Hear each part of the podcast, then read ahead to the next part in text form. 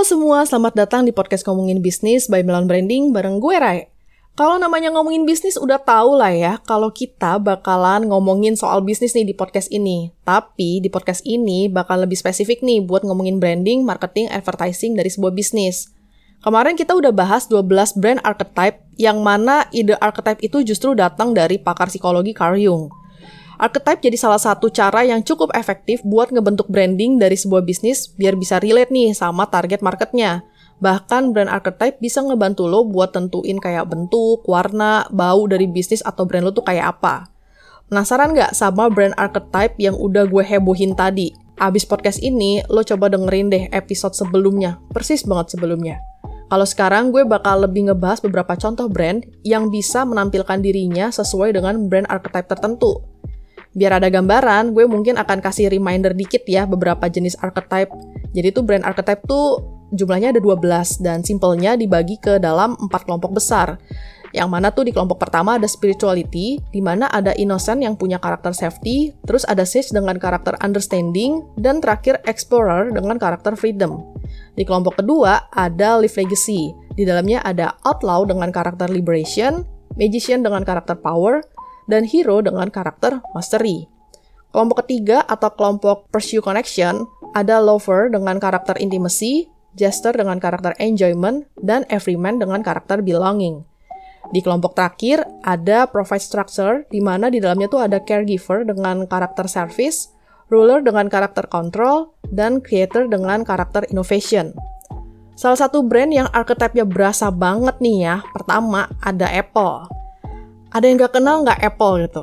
Nah, Apple nih sebagai brand yang dikenal simple dan minimalis selalu dipersepsikan sama orang-orang di bidang kreatif dan bisnis. Mereka selalu punya solusi untuk berbagai masalah dan mendukung kebebasan berimajinasi setiap pemakainya.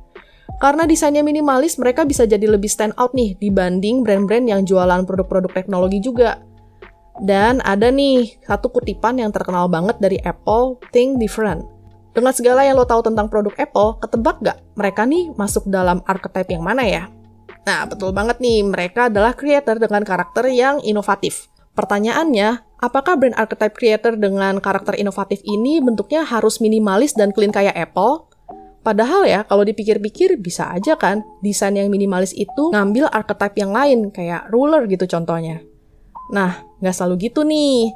Gue ambil contoh brand lain yang archetype-nya sama, yang di masih sama-sama creator ya. Lo tahu kan mainan anak-anak Lego? Nah, karakter dari Lego sendiri tuh warna-warni banget. Apalagi itu kan jenis mainan anak-anak ya, ya kayak udah hampir pasti nggak sih kalau warna-warni.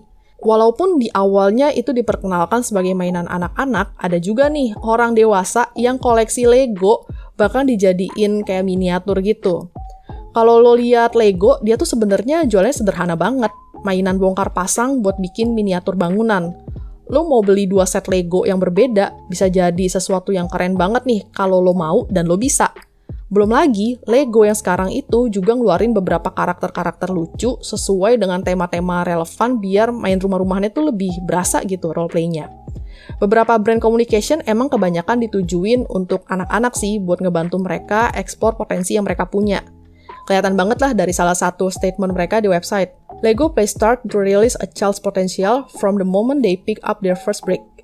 That's why kadang orang tua tuh beliin anaknya Lego bukan cuman sekedar mainan, tapi ya buat mengasah kreativitas dan motorik anak gitu. Karena mereka bisa bikin macam-macam tuh pakai Lego. Dengan karakter kebebasan bereksplorasi dan membuat sesuatu yang baru itu, yang bikin Lego tuh jadi masuk dalam brand archetype tuh creator. Satu family kan ya sama Apple. Dan kelihatan jelas nggak sih bedanya? Walaupun mereka punya brand archetype yang sama, itu cuma buat ngebantu brand memposisikan diri mereka ke audiens tuh kayak gimana.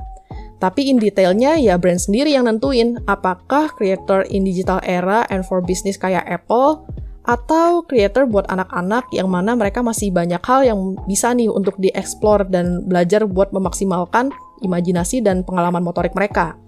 Keberadaan ini biasanya dimulai dari brand positioning yang udah pernah nih gue bahas di episode sebelumnya. Kalau lo ingat di episode sebelumnya, gue pernah bilang juga kalau sebuah brand itu perlu nurunin statement ke beberapa karakter dan personality yang bisa di-deliver lewat indera. Entah itu indera penglihatan, pendengaran, penciuman, perasa, atau sentuhan gitu. Sekarang kita lihat contoh lain ya, kita move ke brand lain gitu. Um, kali ini tuh siapa sih yang nggak tahu Disney ya?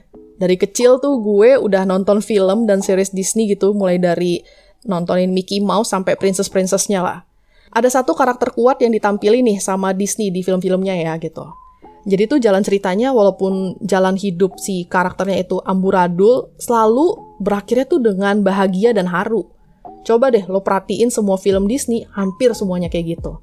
Bahkan di program streaming berbayar mereka di Disney Plus Hotstar, mau di film dokumenternya sekalipun, akhirnya tuh nggak bikin frustasi, tapi malah bikin happy. Padahal mah jalan ceritanya udah kayak, haduh banget gitu deh.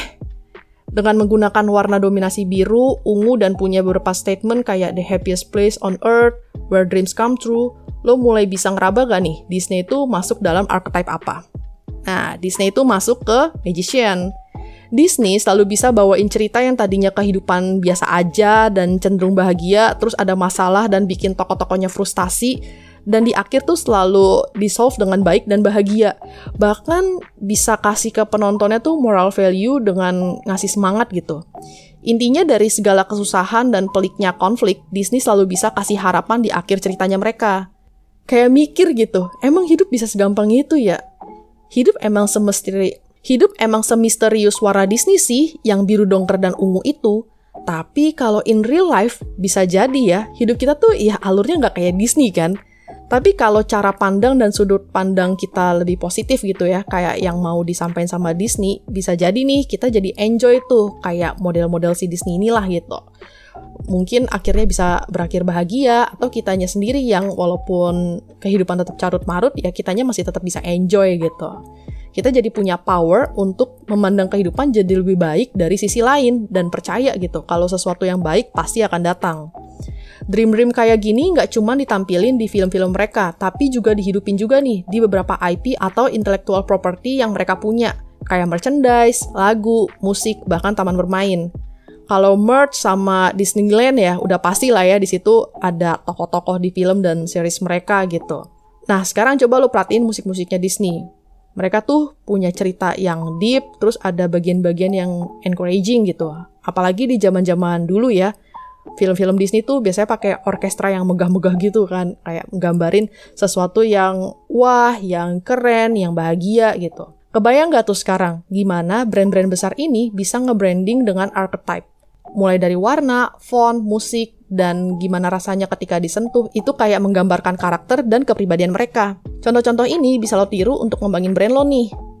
Ngomongin brand archetype ini nggak cuma lo bisa denger di podcast, tapi lo juga bisa baca-baca nih di website kita www.melonbranding.com dan di Instagram kita at melonbranding. Jangan lupa nih buat follow Instagram dan podcast ini ya. Sama kasih bintang 5 kalau lo ngerasa podcast ini emang bagus dan insightful buat lo. Thank you udah dengerin gue, sampai ketemu di next episode. Bye-bye!